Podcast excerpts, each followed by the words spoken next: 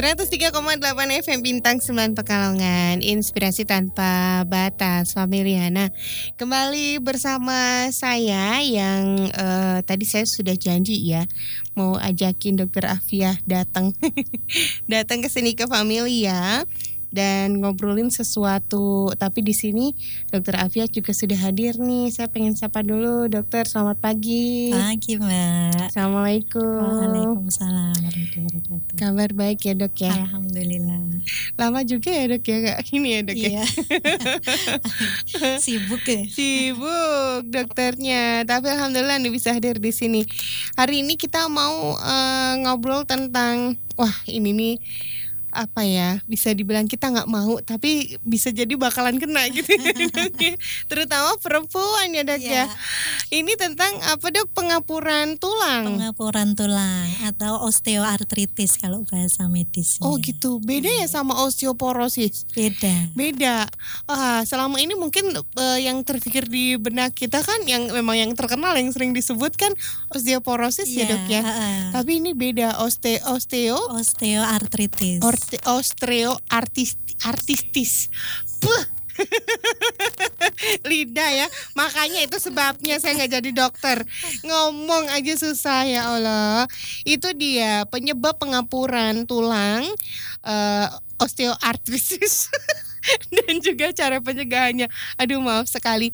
Hari ini sudah mau ngobrol tentang itu. Kenapa dok? Apa karena uh, banyak kasus mungkin yang ditemukan ya dok ya? Iya, ya ini uh, sangat banyak mm -hmm. uh, osteoartritis ini dan boleh dibilang karena ini kebanyakan ini yang terkena adalah uh, usia lanjut atau yeah. di atas 60 ya mm -hmm. boleh dibilang ini masa depan kita. masa depan kita dan kalau kalau berharap panjang umur ya harus siap terkena OA itu. Oh gitu.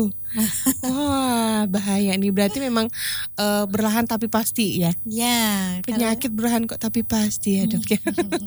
tapi memang bakal iya. Itu sebabnya kenapa harus dicegah ya dok ya. Iya betul. Nah hari ini kita ngobrol pengertian dari osteoartritis itu apa sih dokter?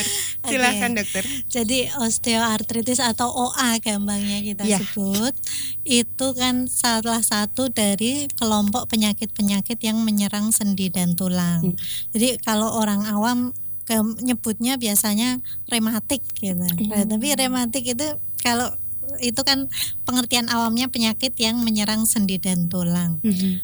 Banyak jenisnya, ada yang osteoartritis atau OA, ada yang karena kelainan sistem imun atau RA, ada yang pengeroposan atau osteoporosis tadi. Hmm atau kadang orang uh, udah meng menjudge ini asam urat nih dok gitu. Padahal hmm. enggak gitu gitu. Jadi uh, tidak selalu sakit di sendi itu karena asam urat dan tidak selalu asam urat yang tinggi itu menyebabkan sakit di sendi gitu. Hmm. Nah, kembali ke pengapuran atau OA tadi, ini merupakan penyakit sendi yang bersifat degeneratif. Artinya, memang terjadi karena meningkatnya usia. Hmm. Ibaratnya mesin kalau sudah semakin tua tentu sudah sudah menurun performanya. Hmm. Yeah. Nah, ini uh, pada OA ini ini kan sendi itu kan pertemuan antara minimal dua tulang atau lebih ya. Nah, biasanya di antara pertemuan dua tulang itu misalkan pada sendi lutut atau sendi uh, tulang-tulang belakang itu ada namanya bantalan sendi. Bantalan. Bantalan sendi dan minyak sendi atau mm. cairan sinovial gitu. Mm. Nah, itu mereka gunanya itu untuk meredam e, benturan. Jadi misalkan kita jalan mm. kan ketemu tuh tulang paha sama tulang yeah. tungkai bawah itu kan kalau tulang ketemu tulang mm -hmm keras ketemu keras mm -hmm. itu kan akan nyeri kalau yeah. terjadi gesekan. Nah, itu karenanya Tuhan ngasih kita bantalan di mm -hmm. uh, dalam sendi-sendi itu dan juga minyak sendi. Jadi untuk mengurangi gesekan. Mm. Nah, semakin bertambahnya usia, minyak sendi itu makin lama makin encer. Ibarat mesin olinya sudah makin encer. Hmm. Kemudian bantalannya juga semakin lama semakin menipis, Hmm. ada yang mengalami kerusakan juga Hmm. gitu. Sehingga kalau yang sudah berat sekali eh, misalnya grade 4 jadi ada grade-grade-nya. Oke. Kalau grade 4 itu udah tulang ketemu tulang. Aduh. Sakit sekali bahkan bisa sam- sampai nggak bisa jalan pasiennya Hmm. kadang seperti itu. Aduh, Nah, itu kok gitu. serem ya. Kalau ibarat bahasa Belandanya tuh kepentik-pentik gitu ya tuh. Iya. kepentik-pentik gitu kan. Ah, Dokter itu eh, tapi disebabkan oleh apa dok? Kenapa bisa menipis dan minyaknya juga semakin sedikit itu dok? Apa dari asupan makanan kita yang kurang atau memang sudah saatnya gitu?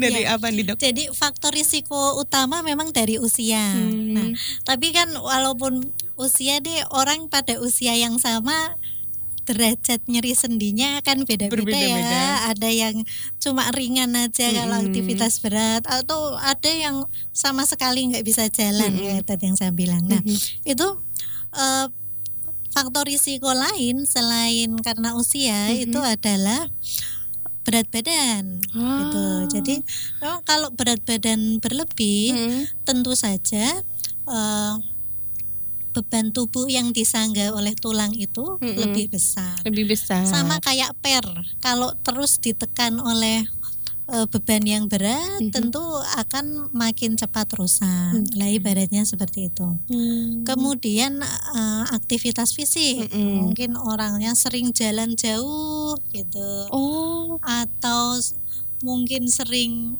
kalau naik tangga gimana dok? Naik tangga? Iya, sering naik turun tangga, betul. Oh. Nah, itu juga eh, memberi eh, risiko pada kerusakan tulang rawan sendi. Oh, gitu. Atau pernah infeksi di daerah sendi Mm-mm. atau pernah jatuh yang Mhm. melibatkan sendi tersebut gitu. Itu juga merupakan faktor risiko. faktor resikonya.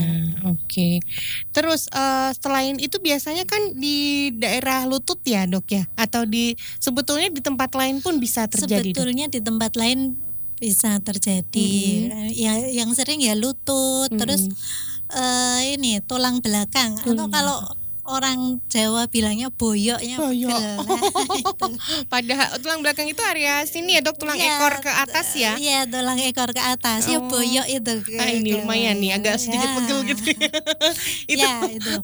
daerah situ juga daerah bisa. situ. Nah, Cuma memang kalau di daerah boyok itu kan Mm-mm. kita ya harus membedakan apakah ini memang karena pengapuran Mm-mm. atau memang karena otot-ototnya aja kaku karena kecapean ya. ya. Mm. Kalau usia muda ya mungkin otot-ototnya aja kaku gitu. Saya kategori muda apa tua ya?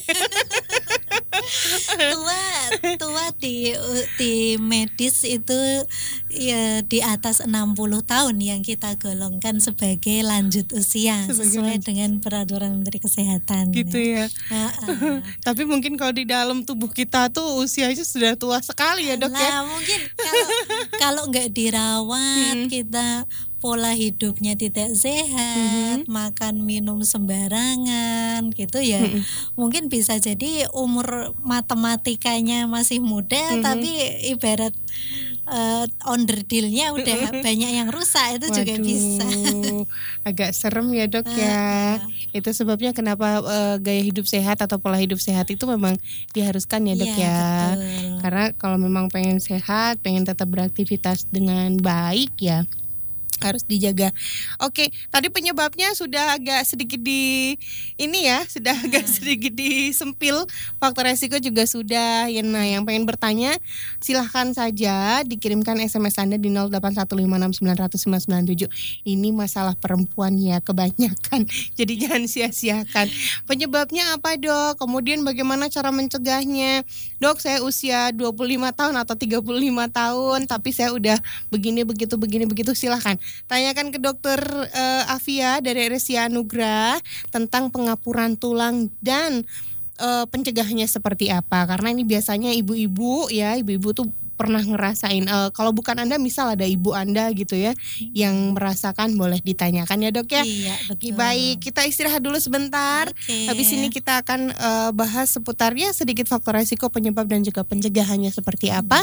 Jangan ke mana-mana, tetap bersama kami di Selasa Sehat bersama RS Ya Anugrah.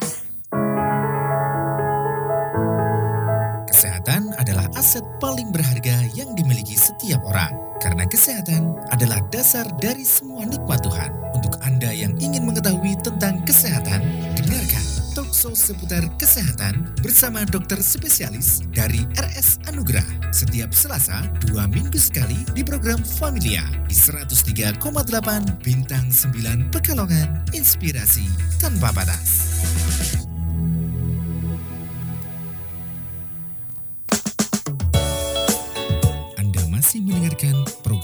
Familia.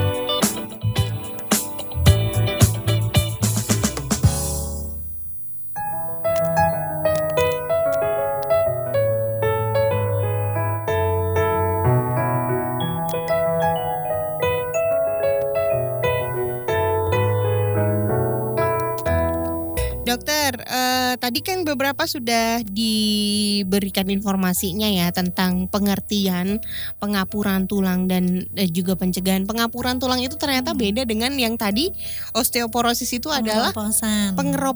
ya. Iya. Kalau pengapuran itu berarti gimana dok? Dia ini jadi kapur atau gimana gitu sih dok? ya itu kayak yang saya bilang tadi jadi jadi celah sendinya itu Mm-mm. olinya udah encer Mm. terus bantalan sendinya menipis Mm. bahkan ada yang sampai habis gitu Oh. kemudian ada yang disertai pertumbuhan tulang-tulang yang baru Waduh. yang tidak semestinya di situ jadi nusuk ke Oh, sana kemari Bisa dok, bisa kayak gigi gitu ya. Kalau gigi jadinya gingsul gitu-gitu Iya. kan tulang juga Iya. bisa dok. Heeh, ya yang nggak sege- nggak gede banget sih mungkin kayak tumbuh tulang baru tuh maksudnya segede mungkin duri gitu Mm-mm, Nah, mm-mm. eh, tapi kan ini duri dalam daging Aduh, udah kayak judul lagu aja.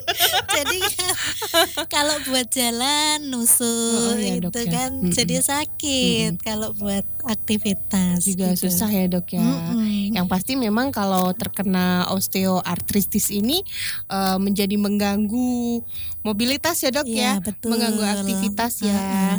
Nah pertanyaannya adalah kenapa eh, justru malah perempuan gitu yang lebih rentan terkena ya dok? Salah apa kita dok?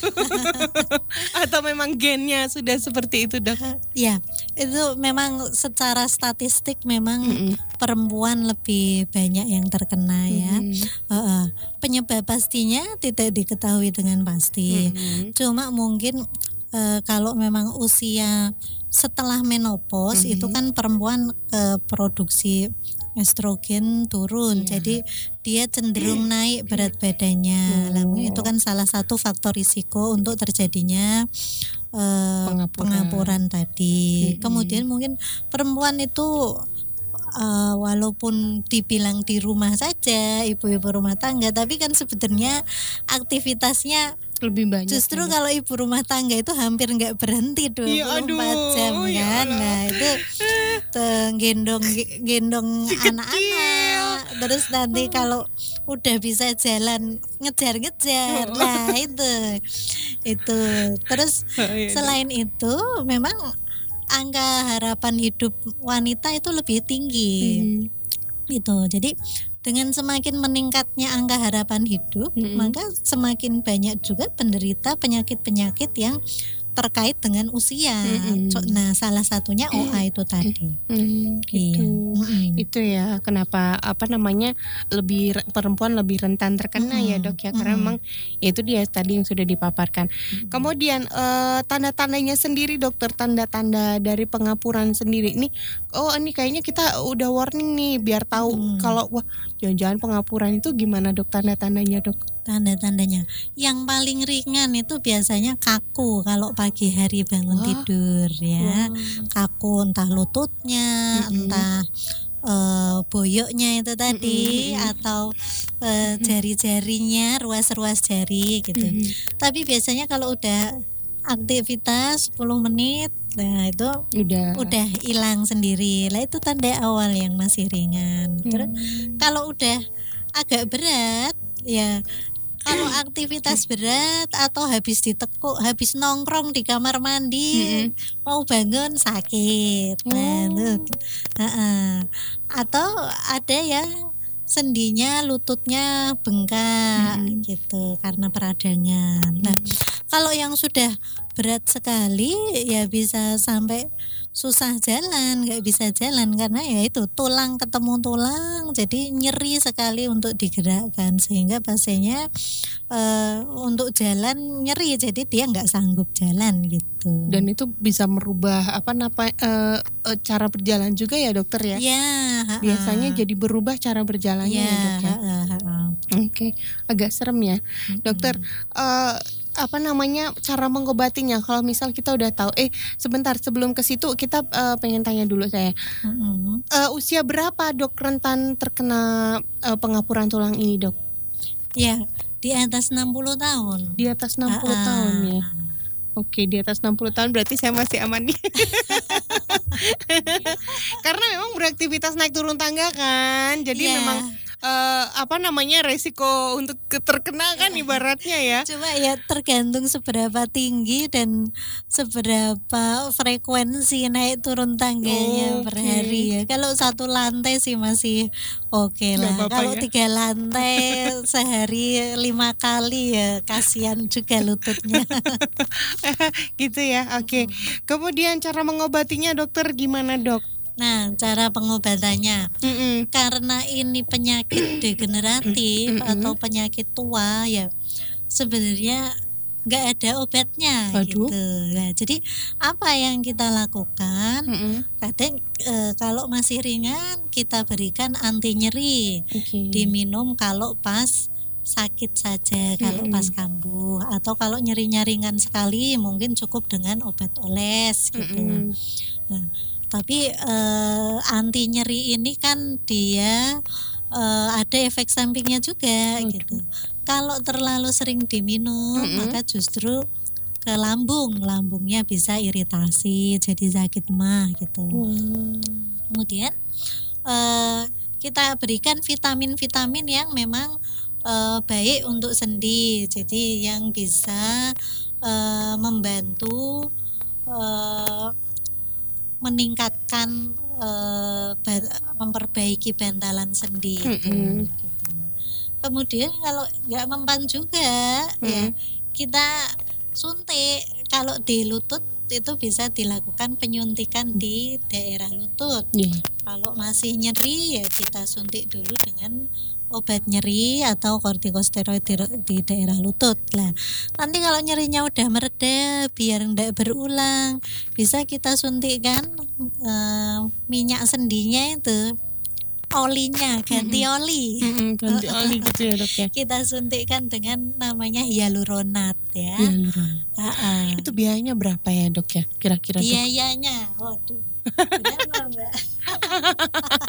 Maksudnya dikira-kira aja, Dok. Kira-kira bisa habis berapa gitu kalau eh, eh, suntik-suntik seperti itu gitu ya. Sih? Satu suntikan itu loh. Oh, oh, satu juta kah atau satu setengah juta kah atau kisaran segitulah ya. mungkin bisa sampai 2 jutaan Hmm. karena dia dia kan ada yang ada yang Mohon maaf dok. Mohon maaf.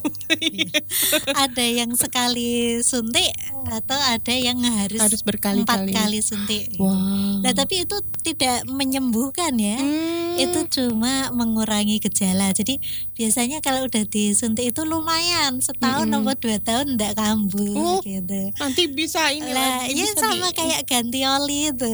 Nah, nanti kalau udah dipakai misalkan dua tahun Mm-mm. ya dia ini lagi Bisa kambuh kambuh lagi. karena kan udah pengenceran lagi gitu. Oh. Nah, kalau sudah yang sangat berat sekali yang Mm-mm. grade 4 yang tulang ketemu tulang Mm-mm, tadi bandalannya habis ya itu harus operasi pakai Mm. ganti sendi atau sendi palsu istilahnya. Itu apa bahannya apa dok? Logam. Logam? Iya. Logam dok? Iya jadi logam. Ah, kok saya jadi ngeri ya? Aduh, Heeh. dok apa nggak sakit ya dok ya? Kan bukannya keras sama keras jadi tambah sakit ya dok ya? Ya tapi itu kan logamnya kan karena eh, baru kan permukaannya masih mulus. Nah, sedangkan kalau yang sendi yang sudah sudah mengalami osteoartritis ini sudah rusak itu kan permukaan tulangnya sudah nggak mulus. Jadi Mm-mm. sudah banyak yang kayak tadi saya bilang tumbuh Iya, duri-duri itu Mm-mm. duri dalam daging itu. Eh, jadi eh, itu nyeri gitu. Kalau diganti logam itu eh, biasanya sih keluhan bisa berkurang gitu. Gitu itu yang memang grade 4 yang memang, harus Memang yang berat ada sekali. penanganan dengan Ha-ha. operasi ya dok. Ya, ah. Oke, dokter, supaya kita tidak eh, mengalami hal tersebut, dok. Ini para perempuan di rumah juga pasti menanti-nanti gitu ya. Bagaimana cara mencegahnya? Sesaat lagi, dok. Jangan dijawab dulu. Oke. Biar pada penasaran ya. Yang ada di rumah, yang mau kirim SMS boleh silahkan. Anda mengalami sakit sendi atau Anda mengalami sakit apa gitu yang masih eh, ada hubungannya dengan pengapuran tulang dan lain-lain. Boleh silahkan dikirimkan pertanyaannya mumpung eh, Dokter Afia hadir di sini ya biar terjawab pertanyaan Anda. Kirimkan SMS-nya saya tunggu.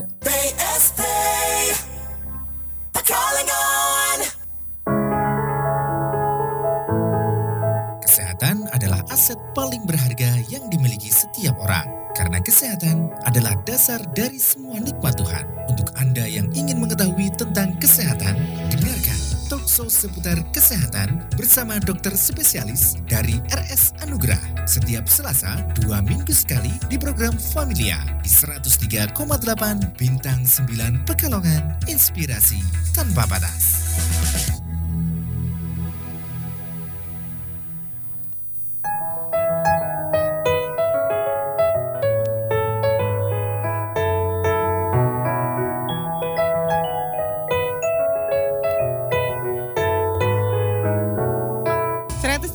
Delapan FM Bintang 9 Pekalongan Inspirasi tanpa batas Familiana Terima kasih Anda masih stay bersama kami di Selasa Sehat bersama dengan Dokter Afia dari RSI Anugerah Dokter pencegahan dari pengapuran supaya kita para perempuan tuh nggak sampai kena gitu ya meskipun iya tetap eh, karena degenerasi tetap Ya. tetap bakalan kena tapi Iya. setidaknya kalau kita imbangi dengan pola hidup yang sehat atau apa pun gitu ya gimana dok pencegahannya dok Betul.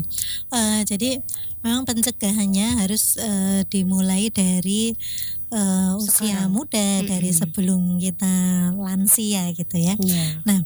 Eh, salah satu faktor risikonya kan berat badan ya. Mm-mm. Jadi tentu saja eh, jadi sebaiknya kita jaga, kita menjaga jangan sampai berat badan kita itu berlebihan ya.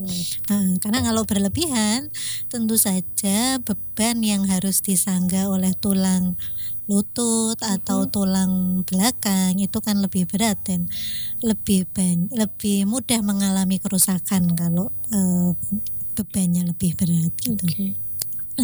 Gimana untuk menjaga eh, menjaga biar berat badannya tidak eh, berlebih ya harus aktivitas fisik. Walaupun tadi naik turun tangga jalan jauh itu bisa jadi eh, memperberat OA, tapi ya kalau kita masih muda itu enggak masalah. Kecuali kalau memang kita sudah terkena OA, nyeri ya itu yang kayak gitu dikurangi. Oh. Tapi kalau kita masih muda ya it's okay dengan aktivitas fisik, jalan itu sehat-sehat aja gitu. Karena kalau eh, aktivitas fisik kurang terus berat badannya jadi berlebih itu juga eh, faktor risiko untuk OA juga gitu. Nah, kemudian tentu makanannya dijaga, kurangi karbohidrat, kurangi yang berlemak-lemak gitu. karbohidrat dikurangi dok Ya, karena kan karbohidrat kalau karbohidrat itu kan dia eh, tinggi kalori. Mm-mm. Kalau tinggi kalori kalau tidak terpakai kan akan men- disimpan Menjadi. dalam bentuk lemak, nanti berat badan meningkat gitu. Hmm. Nah, kemudian eh, selain eh, menjaga biar berat badan tidak berlebih, itu Mm-mm. kita juga eh, harus makan banyak buah-buahan, sayur-sayuran yang mengandung antioksidan. Karena eh, salah satu faktor yang menyebabkan terjadinya kerusakan tulang rawan sendi itu kan adanya radikal bebas yang terbentuk baik karena usia atau karena eh, trauma pada sendi gitu. Nah, dengan antioksidan ini akan mencegah terbentuknya radikal bebas. Nah, antioksidan ini banyak didapatkan pada buah-buahan, sayur-sayuran gitu. Buahnya apa aja? Apa aja ya dok ya? Apa saja gitu. Mm. Oke. Kemudian kalau memang kita sudah mulai mengalami gejala-gejala eh, pengapuran itu ya Mhm. berarti aktivitas yang berat untuk sendi dikurangi gitu. Misalkan kalau yang sakit di lutut ya kalau bisa lututnya jangan sering ditekuk gitu. Oh. Kalau duduk ya misalnya kan ibu-ibu pengajian gitu Mm-mm, ya mm-mm. pilihlah duduk di kursi atau Oh. kalau terpaksanya duduk di bawah di Mhm. lantai ya luruskan kakinya selonjor, gitu. Selonjor. Heeh. Kemudian kalau ke kamar mandi eh, sebisa mungkin diusahakan menggunakan toilet duduk gitu. Hmm. Karena kalau jongkok itu kan lebih berat bebannya untuk lutut gitu. Iya, iya. Oke. Ya, itu. Kemudian demikian juga kalau sholat. Kalau sholat, kalau memang lututnya sakit sekali ditekuk ya jangan dipaksa. Hmm. Sholat sambil duduk di kursi atau duduk selonjor gitu, tidak apa-apa. Mm-mm. Kemudian kalau berat badannya berlebih, tapi eh, OA gimana olahraganya? Oh, oh, iya dok. Nah, Gimana tuh dok?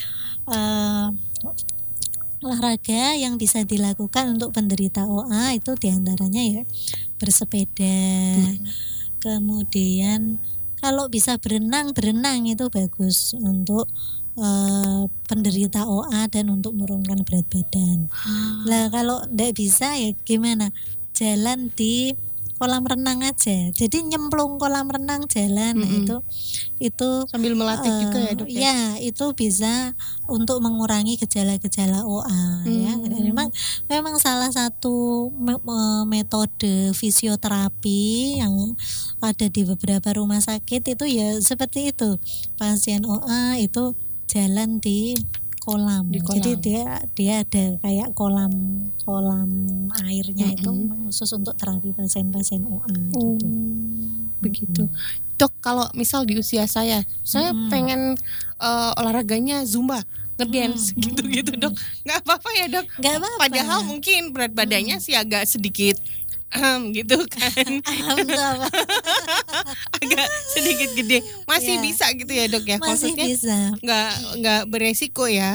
loh enggak. Kalau memang eh, apa justru berat badannya itu yang harus diturunkan Hmm, eh, biar mengurangi risiko terjadinya OA di kemudian hari Mm-mm. Eh, eh, lah caranya dengan olahraga itu. Kalau memang yang lututnya nggak nyeri belum ada keluhan OA ya olahraga silahkan. Eh, apa, terutama memang berat badannya berlebih ya memang mau- nggak mau harus olahraga Wah, semakin bulat nih keinginan untuk diet ya jadinya ya. Bukan untuk kecantikan tapi untuk kesehatan. ya iya kan? betul Wah, dokter, eh, masih ada lagi nggak nih informasinya dok yang mau dibagi sebelum kita ke SMS yang sudah dikirimkan? Cukup kayaknya dok ya, kayaknya cukup ya. cukup banyak. Nah, tinggal sini nih yang pengen Hmm. bertanya nih, Hmm. kita coba cek SMS ya dokter ya. Ya, Dari Mas Amir yang ada di Arjosari. Selamat pagi dokter. pagi. Eh, Dokter, aku mau bertanya, eh, menekan-nekan jari tangan biar bunyi kletuk kletuk gitu tuh bahaya nggak sih dokter? Kadang kita tuh ngerasa pegel terus akhirnya kletuk-kletuk gitu tuh rasanya habis itu enak gitu dok. Ya, Bahaya nggak dok? bi- biasanya itu kan memang karena kekakuan sendi ya, entah Mhm. kita habis bangun tidur atau mungkin kalau pada orang tua ya bisa jadi itu salah satu manifestasi dari OA itu tadi. Nah, bahaya atau tidak sebenarnya tidak disarankan untuk dilakukan karena nanti kalau Hmm. keenakan nah itu ini kan bisa takutnya eh, apa sendinya itu jadi eh, Pecah. tidak kembali seperti semula Hmm, gitu. uh, takutnya uh, istilahnya mungkin kalau orang Jawanya mengsol gitu. gitu Ya, jadi ya, ya, ya, ya. tidak disarankan untuk dilakukan. Kalau emang pegel ya digerak-gerakkan saja. Nanti Hmm. nanti biasanya kalau memang hanya karena otot atau karena pengapuran yang ringan, kalau udah untuk digerak-gerakkan atau untuk aktivitas itu biasanya akan hilang dengan sendirinya. Hmm, Oke, begitu ya. Terus ada lagi nih dari eh, Mbak Dian yang bertanya, dok saya tuh sering banget mulet, mulet itu loh dok, Hmm, kayak iya, gitu-gitu iya, loh dok. Itu tuh kayaknya memang eh, aktivitas yang enak gitu untuk dilakukan, meregang gitu ya, meregang ya. Kalau bahasa ininya mungkin meregang. Itu bahaya nggak sih dok? Katanya eh, ada yang pernah bilang suka meregang, suka mulet-mulet seperti itu, nanti jadi saraf kejepit loh gitu katanya. Gimana nih dok? Iya sih. Eh, jadi memang mungkin kan kalau kita udah terlalu lama bekerja, duduk gitu kadang otot-ototnya kaku ya. Heeh. bagus itu justru untuk peregangan otot, peregangan sendi gitu biar tidak kaku. Tidak ada masalah sepanjang gerakan yang kita lakukan tidak berlebihan gitu. Sekarang pernah dok saya eh, ketika meregang seperti itu, tahu-tahu nafasnya kayak nyelip gitu dok. Itu bahaya nggak sih dok? Kalau habis itu hilang sendiri ya enggak masalah Oh, gitu. Tapi mungkin memang harus berhati-hati ya ketika Iya. kita mau melakukan meregang gitu gitu ya. Iya. Ini eh, jadi ingat nih selain yang menekan-nekan sendi itu yang nggak direkomendasikan terus sama kalau mulet itu enggak masalah bagus sama ya mungkin yang sering dilakukan lagi ini Leher, Ah, leher di patahkan kiri gitu ya. patahkan kanan Oh, oh, itu oh. sebaiknya jangan dilakukan karena takutnya ya itu menimbulkan trauma untuk sendinya gitu Hmm, Tapi kenapa setelah melakukan hal itu justru malah ngerasa nyaman gitu ya dok ya? Iya karena mungkin ototnya kan teregang yang tadinya kaku teregang jadi eh, lebih nyaman hanya kita kan tidak tahu Iya, tidak iya. bisa mengukur seberapa kekuatan yang eh, dilakukan yang kita berikan dengan eh, gerakan seperti itu jadi takutnya kalau berlebihan itu kan bisa menyebabkan cedera di daerah situ Ya jangan kalau terlalu kenceng lehernya nggak bisa balik lagi. ah, ya. Nah, kecuali kalau kayak senam, kalau Oh, senam ya. sih pak dimiringkan Teng, kiri, teng, miring kanan, teng, teng, nggak gitu ya. Itu masih bisa ada Tapi ya. kalau udah ditarik pakai tangan, nah itu sebaiknya jangan, Nah, Oke. karena kita tidak bisa mengukur kekuatannya seberapa besar. Wah itu dia. Jadi bahaya juga ya. Mm-mm. Jangan sering-sering seperti itu. Kalau bisa juga jangan. Kalau bisa sih kalau pegel kayaknya digerak-gerakin Ya, aja. heeh. Oke. Kemudian ada nih dari eh, Mbak Nurul yang ada di Tirto. Ya. Dokter, usia saya 35 tahun. Hmm. Tapi kaki saya eh di bagian lutut sering sakit kalau habis jongkok atau duduk. Mm-mm. Terus kalau bangun tidur telapak kaki eh, buat memijak itu ya, Mm-mm. memijak ke bumi itu rasanya sakit. Mm-mm. Eh, dokter sekedar informasi saya penjahit. Ini eh, apa iya dinamo mesin itu eh, berpengaruh gitu katanya. Mm-mm.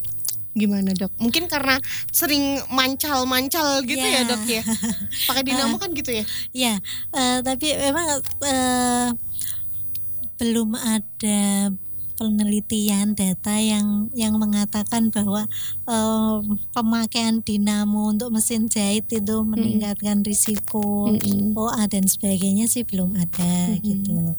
Cuma ya eh, mungkin eh, menjahitnya berapa jam sehari. Jadi Seharian dok. Ah, kalau seharian kan biasanya kaki posisinya seperti Masih itu sama. terus Oh, kan. Nah, Oh, oh. jadi mungkin kadang lututnya mungkin eh, bisa jadi ototnya kalau Mm-mm. dilihat dari usianya ya. Mm-mm. Bisa jadi itu karena ototnya saja yang Oh. kaku karena posisi seperti itu terus juga bisa. Mm-mm. Eh, atau mungkin kita lihat berat badannya. Kalau memang berat badannya berlebih, Mhm. ya mungkin juga OA juga bisa walaupun kemungkinannya lebih kecil Hmm. gitu lah untuk itu harus dibuktikan dengan rongsen gitu Oh. kalau cuma ototnya saja Mm-mm. eh, rongsennya normal berarti kan eh, tidak perlu terapi apa-apa, cuma harus uh, lebih banyak, lebih sering istirahat. Mungkin tiap dua jam istirahat. Berhenti dulu, uh, selonjorin dulu ya. dulu Hmm. ke sana kemari 10-15 menit gitu. Hmm.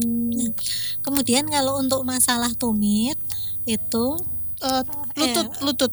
Ya enggak telapak kaki Oh tadi iya, kan oh iya, yang iya, iya. untuk menapak terasa Sa- sakit. sakit, Nah, ah. itu di bagian mananya harus di harus dilihat lagi. Yang sering itu Hmm. di bagian tumit yang sering apa eh, nyeri itu di bagian tumit. Mm-mm. Kadang kalau setelah di rongsen kadang ada pertumbuhan tulang muda yang kayak tadi saya bilang Oh. duri dalam daging. Duri dalam daging. Aduh. Lah, kalau memang itu ya fisioterapi. Tapi Oh. kalau masih ringan aja, mungkin bisa dibantu dengan mengganti alas kakinya dengan yang empuk. Oh, Gitu. baik. Nah, yang kalau yang empuk itu kan dia jadi eh, Bantalan, ada ya, bantalannya ya. bantalannya. Kemudian selain yang empuk, alas kakinya juga kalau bisa agak tinggi dikit. Oh. Nah, dahaknya 3 cm kan Wages lah, wages ya. Ya, wages. Kalau yang flat apa sepatu Terlalu flat itu juga- juga kurang bagus Oh, sebenarnya. Aku pikir sepatu flat itu nyaman banget, dok. Iya, Ternyata enggak ya. Justru yang yang bagus itu yang ada haknya 3 sampai 5 cm. Tapi jangan Oh. lebih dari 5 cm. Oh, pakai high heel juga nggak boleh ya. Nggak boleh sering-sering. Nggak boleh sering-sering ya, tapi memang harus ada haknya, like, Iya. kurang lebih segitu ya dok ya. Ah, ah, ah. Wah, ternyata justru malah dianjurkan begitu ya dok ya. Mungkin Iya, karena untuk betul. memberi bantalan pada Iya. tumit ya dok Karena ya. kalau yang flat itu yang hmm, Pure flat ya. Kalau yang benar-benar flat Mm-mm. itu kan ada namanya tendon jaringan ikat yang di di belakang di Mm-mm. belakang tumit itu kan dia akan teregang terus Oh. gitu. Karena yang namanya tendon Achilles dia akan teregang terus jadi Mm. Cepet capek. Kalau ada apa haknya 3 cm dia kan tidak terlalu teregang jadi Mm-mm. lebih lebih rileks. Oke, lebih rileks ya.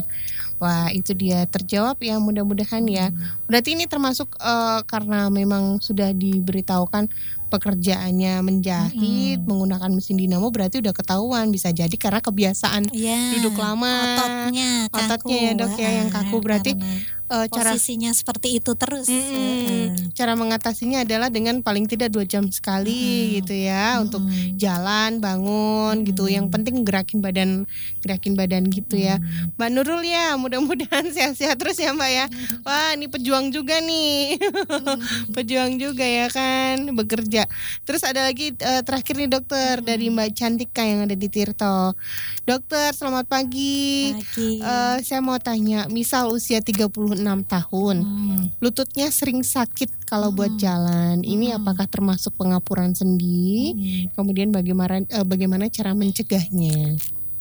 Oke, ya eh, sering sakit kalau buat jalan bisa jadi juga pengapuran sendi. Cuma kan memang ini usianya masih muda ya. Mm-mm. Jadi emang kalau untuk membuktikan itu pengapuran sendi atau bukan itu kan harus di rongsen ya gitu. Karena eh, kalau pada usia muda eh, sering sakit seperti itu itu kan banyak penyakit-penyakit lain yang lebih memungkinkan. Ya paling banyak sih karena otot aja ya. Hmm. Tapi kan ada penyakit lain yang yang lebih mungkin terjadi pada usia muda dibanding pengapuran. Misalkan eh, rheumatoid arthritis atau penyakit sendi yang karena eh, kelainan sistem imun gitu. Hmm. Heeh, makanya harus dibuktikan dengan rongsen gitu atau harus dilihat mungkin mbaknya berat badannya ke- berlebihan atau tidak Mm-mm. aktivitas fisiknya berlebihan atau tidak kalau memang